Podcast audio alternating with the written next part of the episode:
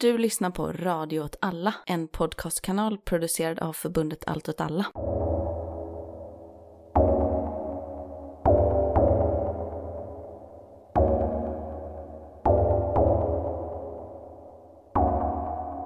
Hej och välkommen till Rörelse med Martin Hansson, med dig Myran Andersson. Myran Andersson. Ja. Det är udda krig och perspektiv som är vår slogan också. ja, och ni är hjärtligt välkomna till eh, ett ordinarie avsnitt i ofredens tid. Mm. Så ordinarie det nu blir. Ja, precis. Ja, ja, vi kan väl kanske börja med att säga det. På grund av eh, tekniska bekymmer, som är typ att de flesta större eh, internettjänster verkar ha stora problem just nu. Det verkar ha med Google Cloud att göra, säger Sveriges ledande expert på IT. Så är det så att vi inte har kunnat spela in på det sättet som vi brukar göra och vi har fått hitta en annan lösning för att lösa det, vilket har gjort att det dragit ut på tiden och det är tid jag inte har. Så jag kommer vara med nu lite i början och prata om de senaste dagarnas utveckling i Ukraina. Och sen så kommer jag lämna dig och vår gäst och prata vidare. Det ska vi nog kunna klara av, tror jag. Idag är det 8 mars när vi spelar in. Det hade ju varit eh, klädsamt och trevligt att kunna ha det som fokus. Vi har valt att inte ha det utan att fortsätta fokusera på eh, dimensioner av eh, Ukraina, även i det här temat. Jag tänker att vi ska prata lite om eh, situationen i Ukraina nu när vi spelar in det som sagt den 8 mars. Klockan är nio på kvällen och det gör det till den eh, trettonde dagen av eh, krig i Ukraina. Kanske fel att säga krig i Ukraina, det har varit krig i Ukraina i åtta år, men den trettonde dagen av den senaste upptrappningen av konflikten. Och det lite konstiga att säga eh, när vi spelar in nu är att läget har eh, inte förändrats nämnvärt och det är därför vi heller inte har släppt något extrainsatt avsnitt. De ryska trupperna fortsätter trycka på på alla de anfallsriktningar som etablerats sedan tidigare. Fredsförhandlingarna har inte lett till några större genombrott. Idag har det varit lite prat om att eh, Ukraina är beredda på att möta Ryssland i några av de huvudpunkter som Ryssland har presenterat. Och Ryssland hade gått ut offentligt nu och sagt vilka som de menar i alla fall är deras huvudpunkter under förhandlingarna. Och det är väl tre stycken, va? Ja, Och de är då att Ukraina ska erkänna Krim som en del av Ryssland, att de ska erkänna de här utbrytarrepublikerna som självständiga länder och att de ska skriva in i sin konstitution att de inte får gå med i något block, alltså underförstått EU eller NATO. Håller du med om att det var en sammanfattning? ja det skulle jag säga. Vet man vad de här punkterna det är de kan eventuellt tänka sig gå med på? Har man en uppfattning om det? Nej, det vet man inte. Det enda jag hörde då var att man sa att man kunde tänka sig göra detta om det fanns, eh, skedde med, skriftliga garantier och bindande avtal från Ukrainas sida. Det var det som Ryssland var efter. Jag menar att eh, Ukraina också ville ha det inför detta. Förhandlingarna igår ledde ju fram till utökade samarbete runt de humanitära korridorerna. Det är, vad jag förstått eh, under dagen, att det gäller framförallt Summi som ligger alltså i nordöstra Ukraina. Att underlätta att evakuera civilister därifrån. I Mariupol har man ju försökt i tre, snart fyra dagar att eh, skapa humanitära korridorer. Detta har misslyckats och båda sidor beskyller ju Vet du ifall det är riktigt att Ryssland säger att de får en korridor men den går in i Ryssland? Mm, men det var väl en diskussion om Summi då. Och nu förstod jag den här nya förhandlingen från igår att de skulle få även en korridor in i Ukraina. Okej, ja, för det är ju en väldigt speciell situation då ifall då humanitärt ska familjer evakueras men männen blir kvar och sen så har ju de då i princip sin familj som gisslan i Ryssland. Liksom. Mm. Det är ju mer ett gisslantagande än evakuering nästan i så fall. Men ja, ifall det, Det finns, ju, så. nej, precis. det finns ju andra saker som kanske är noterbara. Det ena är ju att eh, flygplan har fortsatt skjutas ner. Just det.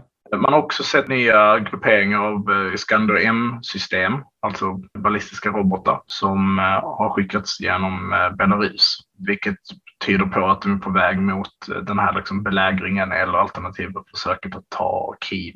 Konvojen vid Kiev tuffar på. Nu så senaste bilderna jag såg så är det ryska stridsvagnar kanske ungefär någonstans tre och en halv mil ifrån centrala Kiev.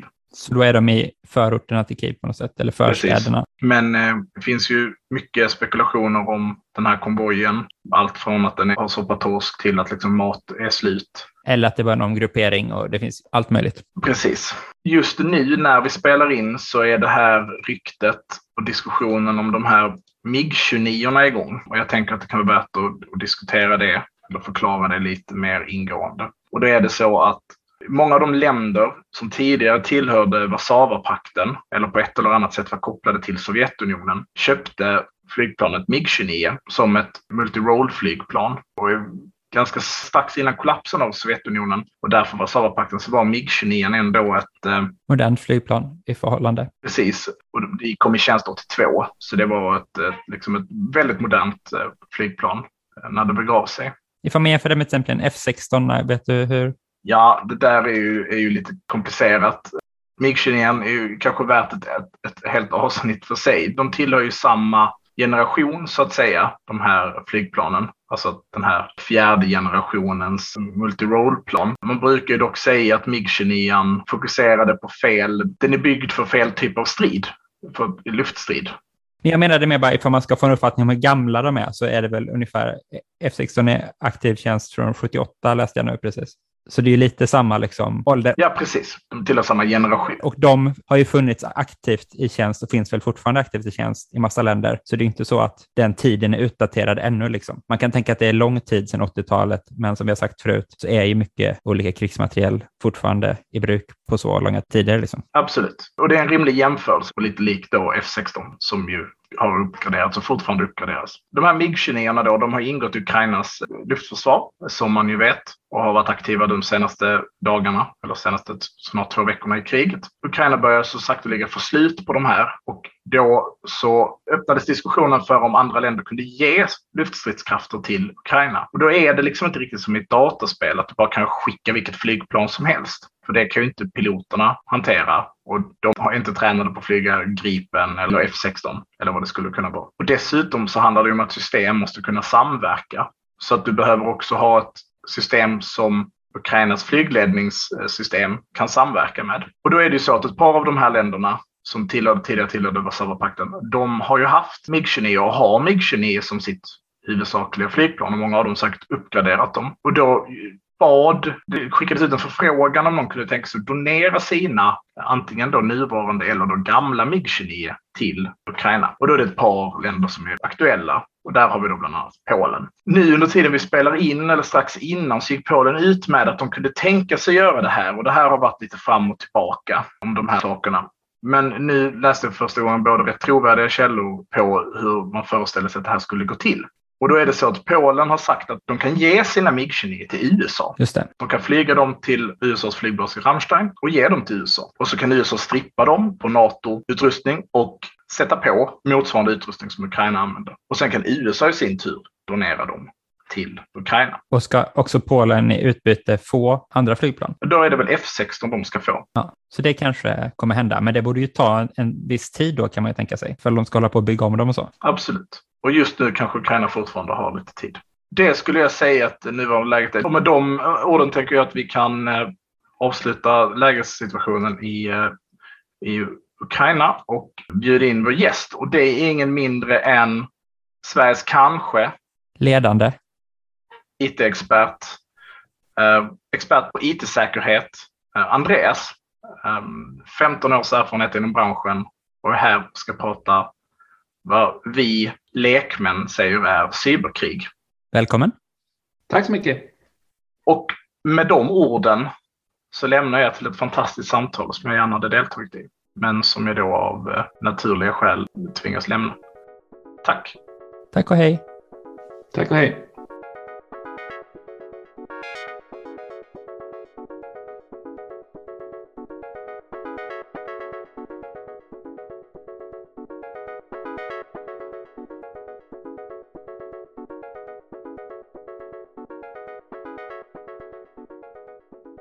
Ja, som sagt, hej Andreas, kul att du är med. Ja, kul att vara med. Vi har ju med dig just för att det har varit mycket snack om cyberkrig då i förhållande till den här konflikten i Ukraina. Och jag tänkte bara, vill du börja med att prata lite fritt om vad du tänker om det och så? Ja, det kan jag absolut. Alltså en sak att komma ihåg där är att när folk pratar om det, när media pratar om det och eh, även experter så låter det som att cyberkrig, att det finns en satt definition för det och det stämmer inte. Utan det finns en väldigt, väldigt lös definition som egentligen bara säger att en digital attack som orsakar likartad skada som en fysisk attack som skulle räknas som en krigshandling. Och det blir ju lite som att eh, jämföra äpplen och päron från allra första början. Men är det alltså i någon sorts juridisk mening? Precis, och det här är ju på något sätt ett försök att, att liksom göra en juridisk definition, men ingen är överens. Nej. Alltså just för att man har liksom tagit existerande regler och så har man försökt applicera det på någonting som liksom lever i ett helt annat universum som liksom lyder under helt andra lagar. Så det går inte riktigt. Så att om man ska generalisera lite så finns det två synsätt då och det ena är att liksom termen cyberkrig eller cyberkrigsföring inte kan existera eftersom det som händer i den digitala realmen kan aldrig liksom klassas som det som vi anser vara krigshandlingar. Och sen så finns det den synen då att cyberkrigsföring är en digital attack som orsakar fysisk skada på människor eller eh, objekt. Och hur man än ser på det så blir det väldigt, väldigt snävt för att majoriteten av de attacker som utförs har ju inte det målet alls. Men skulle du kunna ge lite exempel på sådana attacker, vad det skulle kunna vara då? Är det liksom att man tar över automatiska vapensystem eller att man typ kraschar en eh, centrifug ett kärnkraftverk? Liksom? Är det den typen av saker man pratar om då? Ja, det skulle det kunna vara. Alltså, det har ju funnits en oro länge över att någon kommer att genomföra en eh, attack som till exempel skulle kunna förgifta dricksvattnet någonstans. Och det skulle ju vara den sortens attack då. För att man har ett digitalt eh, styrsystem i ett reningsverk då, och sen så kommer man in i det systemet och sen så släpper man på farligt vatten då, eller vad? Precis, men liksom det som blir problemet med den definitionen överlag då, det är ju att så här, hur många steg från den digitala världen tills det orsakar skada? För jag menar, det blir ju lite grann den här effekten liksom om en Meryl flaxar i Tokyo och så vidare. Liksom. Men liksom, var går gränsen till liksom, där man kan säga att det här var på grund av cyberattacken? Det är väldigt svårt att liksom, bevisa intention. Ja, så till exempel ifall man förstör ett banksystem och sen så kan inte folk ta ut pengar och sen så gör det då att de inte kan betala för mat. Är det liksom en fysisk skada eller är det för långt bort för att vara effekten? Ja, då? och det är liksom i den liksom mer filosofiska diskussionen den här debatten befinner sig Ja. och ingen vet riktigt. Men liksom det är ju en annan sak om man ska prata om cyberkrigsföring som en egen sak eller om man ska prata om cyber som en del av en konflikt. Men att det liksom inte, det kanske inte ens behöver ha en egen definition för att digitala attacker har ju varit en del av Ukraina-konflikten. I ärlighetens namn, det som har synts har ju inte varit jättemycket. Nej. Men eh, alltså, det finns ju attacker som är till för att synas. Överlastningsattacker, ransomware till exempel. Liksom, själva idén med dem är att de ska synas och att de ska skicka ett meddelande. Ja. Sen så finns det ju attacker som liksom sker utan att man annonserar dem. Och då är ju frågan, ska de räknas överhuvudtaget då? Eller är det någonting annat? Är det underrättelsearbete? Ja. Jag skulle vilja ta ett exempel. Ja, jättegärna. Så här,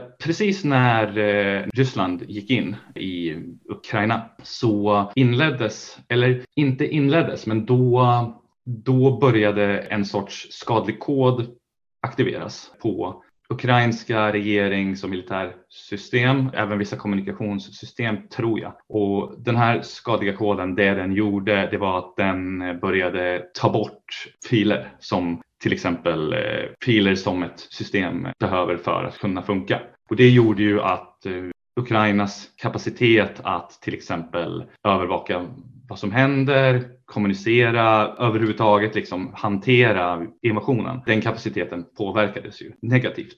Det var en ganska tillfällig påverkan för att system kan du ju sätta upp en gång till. Det tar lite tid, men det är inte riktigt det som är poängen här, utan den poäng jag vill göra det är att det var ju inte så att när Putin sa nu kör vi som de ryska cyberkrigarna började hackas in, utan de var ju inne sedan länge. De hade ju varit inne, de hade identifierat de kritiska systemen, de hade kollat runt och se vilka filsystem ska vi börja ta bort filer på, hur döljer vi att vi är här inne så länge som möjligt och så vidare. Så själva intrånget skedde ju månader innan antagligen, kanske ännu längre. Och sen så aktiverade de bara den här destruktiva delen just när invasionen började. Och då är ju frågan när började en eventuell krigs eh, handling i det. Ja. Handling liksom. Och den delen, det är ju ingen som riktigt vet alltså vilken del av en attack som är vad. Och liksom, här blir det ju väldigt tydligt att det går inte att ta krigets lagar som är liksom byggda utifrån fysiska förutsättningar och applicera dem på det här, för det här är en, något annat. Men krigets lagar, då skulle det också då innebära exempelvis att man har rätt att svara på en cyberattack med kinetiskt våld, alltså att man har rätt att då anfalla ett annat land ifall man först har blivit attackerad och så det är fortfarande självförsvar. Är det sådana juridiska aspekter man vill komma fram till med den här definitionen eller vad är det man är ute efter? Liksom? För att definitionen är väl spännande i sig, men det, det måste finnas någon eh, effekt av det också va? Ja, alltså jag vet faktiskt inte, men vad jag vet så har, så har just det hänt en gång och då var det Israel som bombade en byggnad där de hade på något sätt kommit fram till att en cyberattack härstammade från. Jag vet inte hur de kom fram till det. Den sortens liksom spårbarhet är överlag väldigt, väldigt svår. Och var fanns byggnaden? Det kommer jag inte ihåg, men om Israel kunde, det måste ju vara någonstans i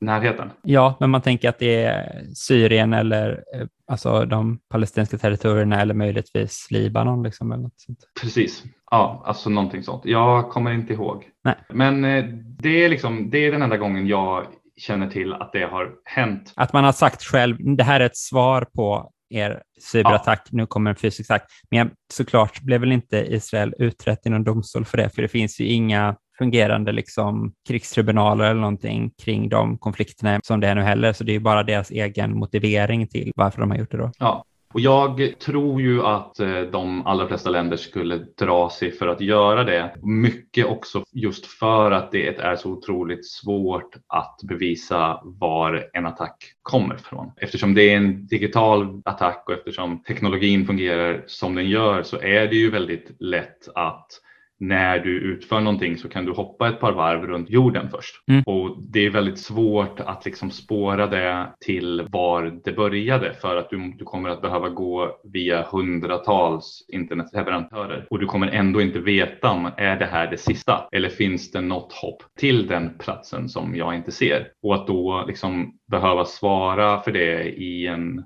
krigstribunal, det, det kommer vara väldigt, väldigt svårt. Nej, ja. Här är också anledningen till att så relativt få kriminella som rör sig eh, liksom som ransomware-gäng och sånt, att de åker fast. De åker i stort sett aldrig fast genom att man liksom spårar varifrån en attack kommer, utan de åker fast för att de gör bort sig och pratar bredvid mun. Liksom.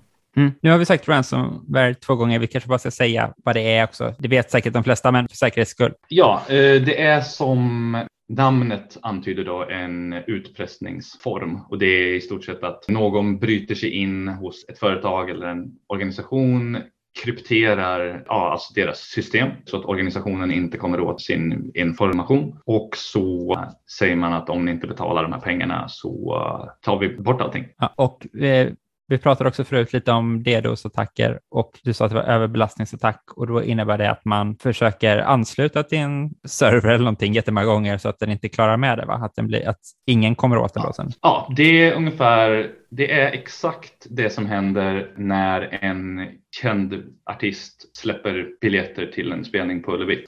Då går eh, hemsidan där man köper biljetterna ner för alla går in samtidigt. Det är exakt det, fast eh, medvetet. Då. Och så är det inte jättemånga personer som gör det, utan man har stora nätverk av datorer man kontrollerar som liksom... Ja, exakt. Och det har ju också hänt, eller det har varit försök det gick lite rykten i början här av konflikten om att eh, ryska regeringssidor låg nere. Men så var det ju inte. De var ju tillgängliga från Ryssland. Så Ryssland hade helt enkelt sagt till alla sina internetleverantörer att inte släppa in trafik som inte kom inifrån Ryssland till just de sidorna. Då. Som kanske är ett skydd mot just andras serverbelastningsattacker? Absolut, och även säkert, och nu, nu är jag ute på halis för jag är inte någon krigsexpert, men liksom även som säkert en del av att kontrollera narrativet. Visst, ja. men å andra sidan i Ukraina så var det väl flera regeringssidor som gick ner och banker också va? Ja, precis. Där har det ju hänt eh, lite sånt och det har väl varit Alltså Ryssland har ju, ehm, de har ju ett lite speciellt sätt att liksom förhålla sig till eh, hacking. Och det finns väldigt många ryska hackergrupper som just sysslar med ransomware-attacker. Och det är ganska troligt att det är många av dem som helt enkelt bara har fått, de har lite grann fått hållas ja. tidigare och nu så eh, är det ganska troligt att ryska staten då återkallar den tjänsten och säger att nu ska ni göra det här för oss. Här har ni lite mål och de målen är ju liksom inte, det är ju inte militära mål utan det är ju bara, det är ju störningsmoment och ett sätt att liksom visa musklerna. Men ja, precis, då har jag två frågor egentligen i relation till det och det ena är väl då just ifall man vet mer i vilken utsträckning det finns liksom också statliga hackerinstitutioner på något sätt då. Och den andra frågan är väl att man trodde att det skulle vara ännu mycket mer sådana här attacker på Ukraina. I alla fall vi i Eldrörelse så att jag spekulerade i att inledningen på liksom kriget överhuvudtaget skulle vara en ännu mer massiv sån attack, liksom. att mycket mer infrastruktur i Ukraina skulle liksom påverkas. Så då undrar jag också ifall du kan säga någonting om ifall det var ett felaktigt antagande eller ifall du tror att det blev förhindrat på något sätt att man lyckades ha ett cyberförsvar och i vilken utsträckning det liksom finns sådana för det pratar man om mm. ibland, men, men vad är det liksom? Så, hur funkar det? Ja. Alltså, det är lite olika beroende på vad det gäller för sorts attacker. När det gäller överbelastningsattacker så finns det ju, så finns det ju stora leverantörer som liksom mer eller mindre har specialiserat sig på det. Cloudflare till exempel är ju jättestora och kan ju hantera otroliga mängder kommunikation på samma gång och samtidigt liksom analysera den och inte släppa igenom det som liksom uppenbart är någonting som destruktivt. Så de är ett skydd, alltså ja, de är ett försvar,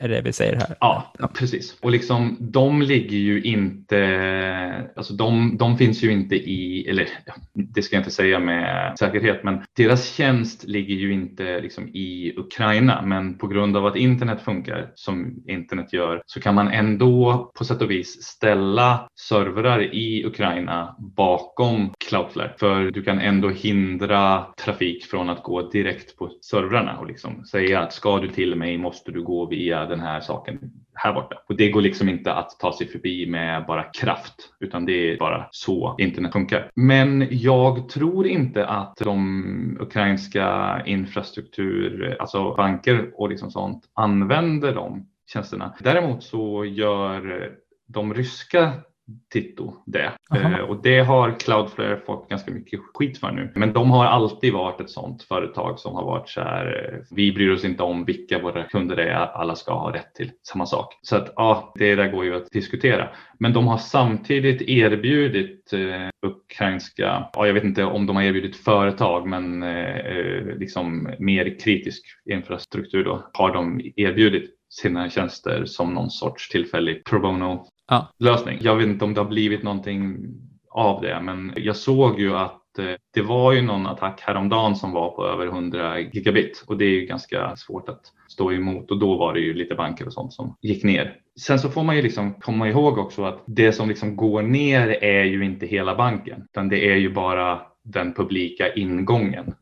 Just det. Bakom där så funkar ju fortfarande allting som det ska. Liksom. Det var inte så att de som jobbar på banken, att deras datorer exploderade eller någonting sånt, utan det är ju bara verkligen den allra första linjen. Det påverkar ju businessen och det gör ju att människor i Ukraina kanske inte kan komma in och göra en överföring. Men det är inte samma sak som att sänka hela banken. Just det.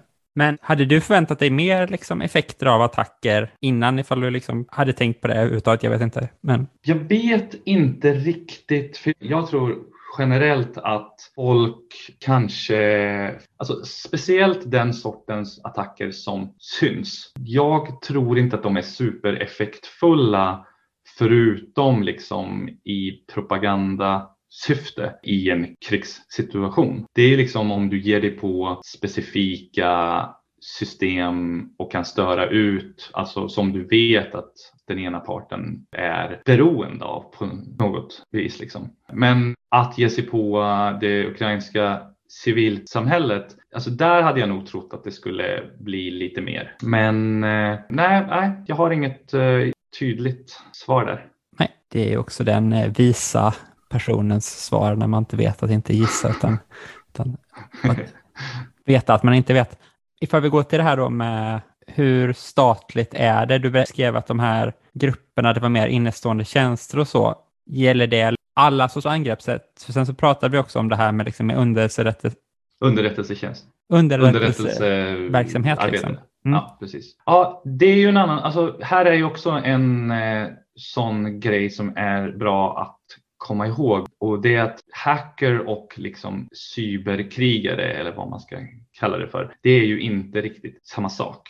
Och att hacka sig in i ett nätverk eller i ett system, det är ju inte heller samma sak som att utföra en överbelastningsattack. Och det, är, ehm, det kräver lite olika kunskaper överlag. Det är liksom generellt så att eh, om du ska begå ett intrång där ditt mål är att liksom ta dig in i ett nätverk och sen få ett fotfäste där och mer eller mindre finnas där över en längre tid så kommer du, du kommer dels så kommer du behöva människor som kan liksom kartlägga den du vill ta dig in hos och hitta lite olika potentiella ingångar. Sen kommer du behöva folk som kan hitta och utnyttja sårbarheter i liksom den mjukvara eller de system som de potentiella ingångarna exponerar. Och sen så kommer du behöva folk som vet hur man uppför sig när man väl är inne, hur man undgår upptäckt och allting sånt. Så att liksom att ha den sorten, alltså det kräver ganska mycket organisation, det kräver ganska mycket folk och det kräver liksom framförallt inte bara hackers, det kräver projektledare och det kräver folk som har koll på budgetar och det kräver ja, men, folk som schemalägger skiftarbeten. Och, alltså, det är ju en ganska stor organisation och den delen, den tar du ju inte från en ransomware-grupp liksom. Och bara så här, nu ska ni göra det här, för de kan inte det. Utan då måste du ha människor som är utbildade inom de här olika områdena. Och de lär ju sitta internt liksom. Alltså det lär ju vara människor som tillhör kanske FSB till mm. exempel. Eller liksom vad det finns för, om det finns, jag vet inte hur liksom den, den ryska armén är uppbyggd. Men jag vet att i USA så har ju NSA har ju jättemycket sånt folk. Och deras uppgift, alltså NSAs uppgift är ju liksom inte riktigt att begå offensiva handlingar, men det är den kompetensen de sitter på. Och det säger ju någonting. Det skedde ju ett angrepp mot eh, ukrainska kraftnätet 2015 och det låter mm. väl som en sån sak som skulle kräva lite mer. Det var en grupp som hette Sandworm som skulle ha gjort det här, men det finns då spekulationer om att de egentligen är en del av GRU, alltså den militära underrättelsetjänsten. Mm. Så det är kanske ett exempel. Precis. Jo, men det där är ju ett exempel och det där är ju liksom när det begås angrepp på den sortens specialsystem som liksom inte vem som helst har tillgång till, då är det ju nästan, det är nästan bara grupper som är eh, betalda av en nation som kan genomföra dem. För du, det är väldigt få vanliga människor som kan studera den sortens system på nära håll för att hitta sårbarheter i dem. Ja, och kanske de enda som har ett intresse av det också, för vad, vad ska någon annan få ut av att sabba liksom ett annat lands infrastruktur? Så? Nej, det skulle ju vara att liksom, om du kan kryptera ett sånt system så att liksom en hel region i ett land inte liksom får el. Ja, just det. Men en ransom-grej där också då liksom. Ja, det skulle ju kunna. Men du tar ju en ganska stor risk också då, för du skulle ju kunna ställa till någonting som du, ja, som du får livstid för. Ja. Du eh, nämnde attack på en eh, centrifug i... Just det. Jag sa ett kärnkraftverk, men det är väl egentligen någon sorts ja. anläggning för att berika uran eller så i i Iran det va? Precis. Det är ju ett ganska bra exempel på och liksom det var lite, lite där som cyberkrig blev på tapeten. Det är en ganska intressant historia, men då säger ganska mycket om komplexiteten i ämnet. Men det som hände då var att eh, sent 2009 eller tidigt 2010, det är lite oklart, så skedde det en eh, attack på eh, ett kärnkraftverk i Iran. Och det som hände då var att någon lyckades ta sig in och uppdatera styrsystemet för centrifuger som används för att utvinna uran och det man gjorde då var att man, man ändrade i det här styrsystemet så att hastigheten på centrifuger höjdes och sänktes pytte, pytte, pyttelite med jämna mellanrum. Och de här är inte till för att det ska hända, så de höll inte för det. Så eh, efter ett tag så gick de här sönder, ingen fattade vad som hade hänt. Ja men okej, det, var ju, det var ju trist, det här blir dyrt men okej, vi får köpa in en ny. Och så gjorde man det. Och så fortsatte det här att hända och hända. Och det var väl ingen som riktigt fattade vad som hände då. Men ISIS som är något, det är ett internationellt säkerhetsorgan, de har i alla fall dokumenterat att den här anläggningen i början på 2010 tvingades byta ut ungefär tusen centrifuger.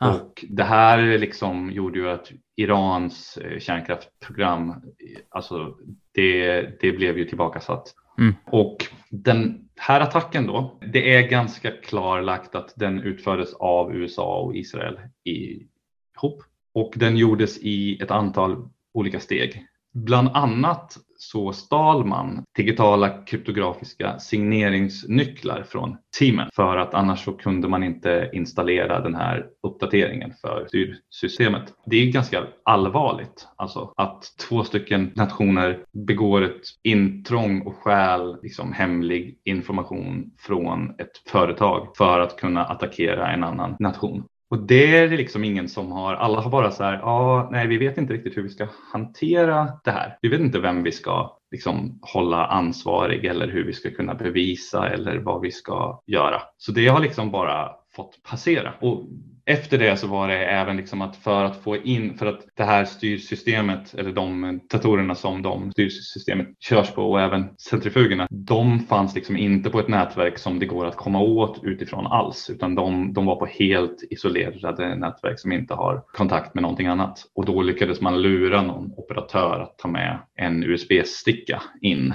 och plugga in där och därmed liksom komma in på en av de datorerna. Otroligt klantigt att eh, ta med en USB-sticka man har hittat och testa den i just den datorn. Det har funnits andra liksom.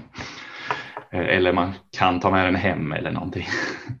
Men alltså just att det här är ändå någonting som har liksom, det här är många som har forskat i, det många som har grävt och det är ganska klargjort vad som har hänt, vem som låg bakom. Och det är ändå så att det går liksom inte att utkräva något ansvar där alls. Sen kan man tycka att det var kanske bra att eh, Iran inte kunde utvinna uran för vi vet liksom inte riktigt vad de hade gjort med det. Men det är fortfarande liksom en sån grej som, det här är ju liksom, det här är ju över tio år sedan och det är fortfarande inte någon, ingen i stort sett är överens om om det här var en krigshandling. Just det.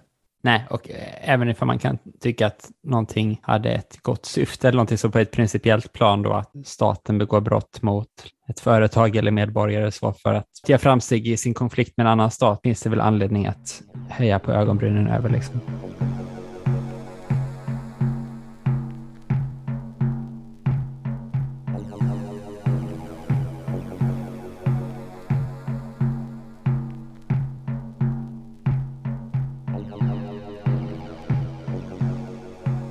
Men eh, ska vi prata lite om ERA då? Mm, precis. Det som verkar ha hänt då, ERA är ett eh, krypterat telefonsystem som Ryssland har utvecklat.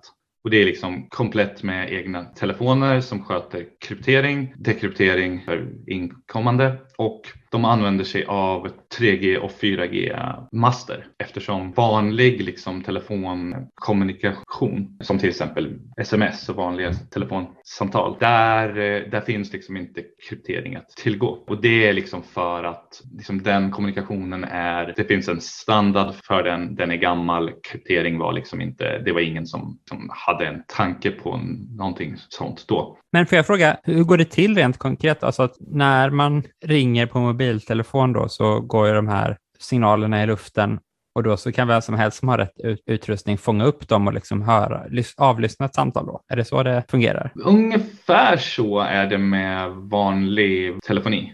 Okay, ja. Lite osäker på om mobiloperatörerna, jag tror att det, har, att det finns någon sorts kryptering, men om du är själva masten, alltså om du är där, då får du ju, för det, det är ju, krypteringen är ju till själva masten då, den är inte längre än, än det. Liksom. Jag är inte en expert på den sortens telekom kan jag säga, utan snarare det som är digitalt. Men hur som helst då, för att eh, ERA ska funka så krävs det att telefonerna kan kommunicera över internet eller över ett, över ett digitalt nätverk, ett IP-nätverk. Och eh, när det verkar som att det var så att när eh, Ryssland gick in i vad det nu var för stad där det här hände så sänkte de alla 3G och 4G master liksom för att sabba för Ukraina. Ja, och sen i efterhand så upptäckte de att nu fungerar inte vår krypterade kommunikation. Nej, det är ju riktigt klantigt får man ändå säga. Ja, men de var fortfarande tvungna att fortsätta kommunicera för liksom, de måste ju ändå fortsätta med det de håller på med. Och då gick de helt enkelt över till att skicka sms och sms är okrypterat per default. Så det det sägs ju att det är någon som har snappat upp någonting sånt. Era, det systemet krypterar ett meddelande på den telefonen där meddelandet skapas och sen så skickas det över nätverket och så kommer det fram till mottagaren och så dekrypteras det där. Så även om någon tittar på kommunikationen i själva masten så kommer de bara se ett krypterat paket. Medan om man tittar på ett sms i, vet det, i vet det, mobilmasten. Och jag menar de mobilmasterna som fortfarande finns och som funkar, de som inte är 3G och 4G, de är ju antar jag kontrollerade av ukrainska operatörer. För det är ju deras. Så då kan ju de bara titta på det. Så där behöver man inte ens göra någon attack, utan det är bara att de bolagen lämnar ut uppgifterna till ukrainska myndigheter om vad som står då i ryska sms på något sätt. Ja, det är ju eventuellt att de kanske inte, att de kanske inte loggar meddelanden, att de, att de liksom inte aktivt gör det, men att de säkert kan aktivera det. Ja. Så det är, det är i varje fall vad som verkar ha hänt. Ja, och det verkar överhuvudtaget som att Ryssland har ju stora logistiska problem där liksom olika delar av deras styrkor inte är helt koordinerade med varandra. Och en del av förklaringen skulle ju kunna vara just att det här har skett och att man har satsat på ett system som i praktiken då visar sig inte fungera och kanske för att man själv har slagit ut grunden för att det ska kunna fungera. Liksom.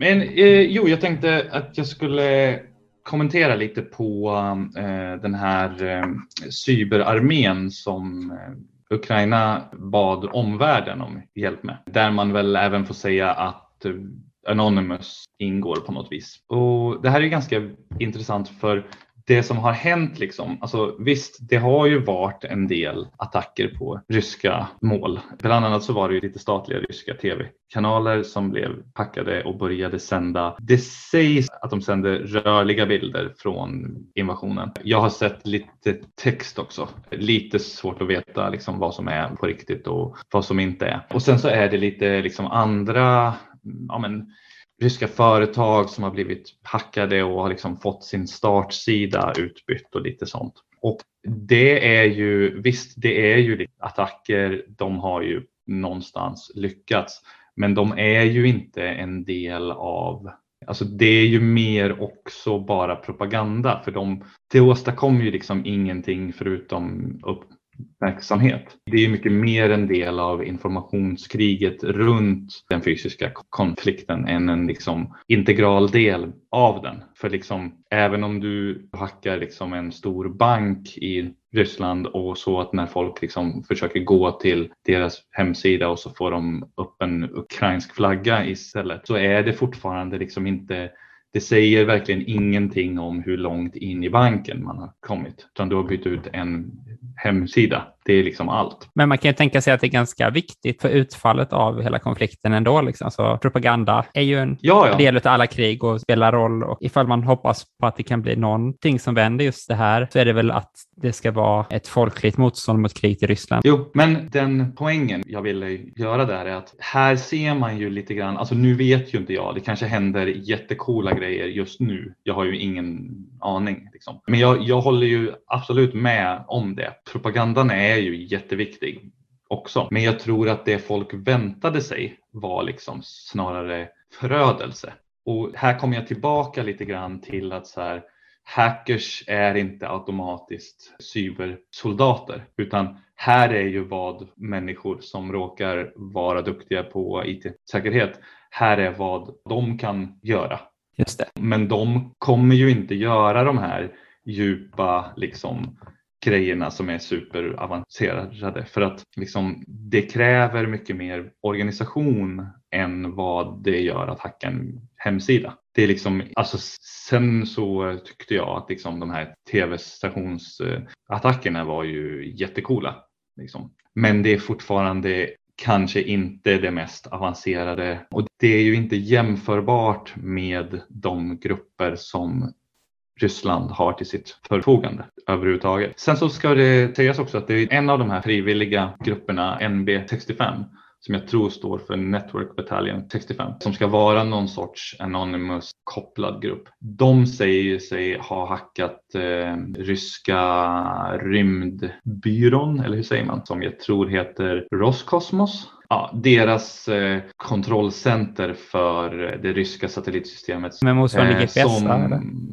Ja, precis. Och liksom som jag tror att Ryssland använder för att liksom övervaka truppförflyttningar och typ eh, fordonsövervakning och typ sånt. Och de har ju då sagt att de har raderat en massa filer på de systemen. Och det är ju ett intrång som har liksom lite militär bäring och om det stämmer. För jag, menar, jag har sett lite screenshots men sånt går ju att eh, manipulera och jag har ju inget sätt att verifiera så att en screenshot eh, av ett system som jag aldrig i hela mitt liv kommer att få se stämmer heller. Nej. Men det är ju en grej som sägs ha hänt. Sen så har ju media har ju rapporterat att de har hackat ett satellitsystem och så är det ju inte riktigt. De är ju inte på någon satellit. Jag, jag har sett lite folk som har det var lite roligt som har, som har liksom sagt att men det här är ju jättefarligt. De är ju amatörer. Tänk om det börjar ramla ner satelliter. Ja. Eh, Men jag hoppas verkligen att det inte finns någon knapp i det här kontrollsystemet som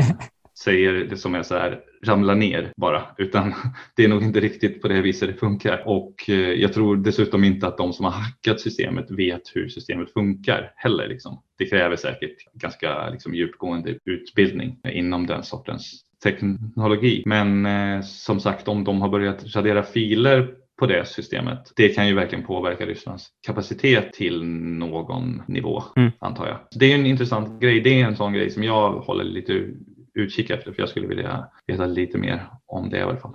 Men har Ryssland själva gått ut och sagt någonting om hur allvarligt det där är eller ifall det har hänt överhuvudtaget eller liksom? De har sagt att det inte har hänt. Nej, okej. Men jag tror också att de, jag menar, även om det har hänt Mm. och eh, om vi säger att Ryssland sitter och har begränsad kapacitet nu så kan ju de naturligtvis sätta upp det här systemet en gång till. Man har backuper på allting man gör och sådär liksom. Och, Ja, alltså det får man väl nästan utgå från. ja, det vore ju jättedumt. Alltså. Det, det ska man väl ha själv hemma på sina Word-dokument ifall då inte ryska rymdmyndigheten har det så är det väl pinsamt. Ja. Ja, men och, liksom, och även om då NB65 är inne på servrarna, Ryssland kan inte liksom hitta dem, filer tas bort, då är det ju egentligen bara att så här, men dra ur sladden på de servrarna Mm.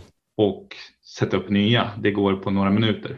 Ja. Sen så är det ju ett installationsförfarande också, men det är ju fortfarande inte så att det är ju ingen permanent skada där. Liksom. Men man ska väl också säga just det här med att då hävdar någon att de har gjort det här och min, ryska myndigheter hävdar att det inte har hänt och det där är ju jättesvårt att veta. Det är precis med de här era sakerna också. Det finns olika sätt som det är bevisat då, men det är ändå så en del av ett propagandakrig och vi kommer väl först långt efteråt ha bättre uppfattning om omfattningar av de här sakerna och vad som egentligen har skett och så. Liksom det, det är någonting man får Mm.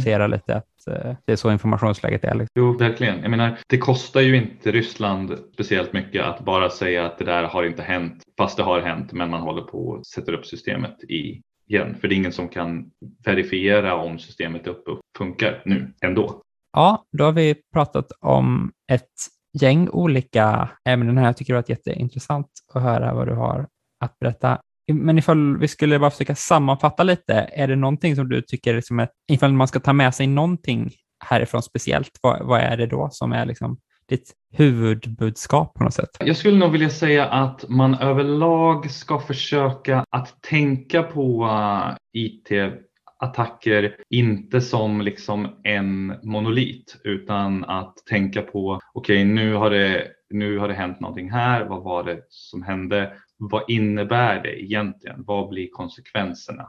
Är det så illa som det låter eller är det här någonting som kanske inte påverkar sig jättemycket? För som det är nu så blir det väldigt mycket liksom att varje grej, varje attack oavsett vad det är får ungefär lika mycket uppmärksamhet. Och liksom, ja, men som ett exempel. Jag har läst i flera medier att Ukraina har hackat Ryssland i och med den här era grejen. Och det är ju inte sant. Utan Nej. det som har hänt är att Ryssland har av vad som verkar vara liksom deras eget fel blivit tvungna att börja kommunicera okrypterat åtminstone i vissa delar av Ukraina. Och det betyder ju inte att de har blivit hackade på något sätt. Nej. Det har ju fortfarande med liksom digital säkerhet att göra, men det är ju en helt annan sak. Så liksom att liksom försöka ta det lite lugnt och försöka förstå vad det är som har hänt istället för att bara liksom behandla varenda incident på samma gång som värsta stora grejen. För allt är verkligen inte det.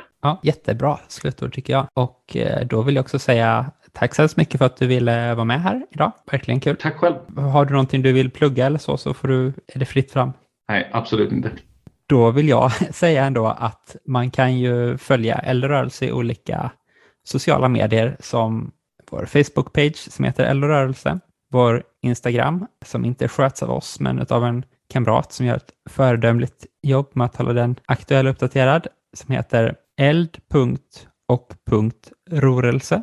Och sen så kan man följa mig, Myran, på Twitter som slukhall och man kan följa Martin som trojkan1337. Och sist men inte minst så får ni gärna bli Patreons till Allt åt alla och då kan ni bara söka på Allt åt alla Patreons så kommer ni hitta hur man gör det. Tack så hemskt mycket för att ni har lyssnat och tack igen för att du var med. Hej då! Tack! Hej!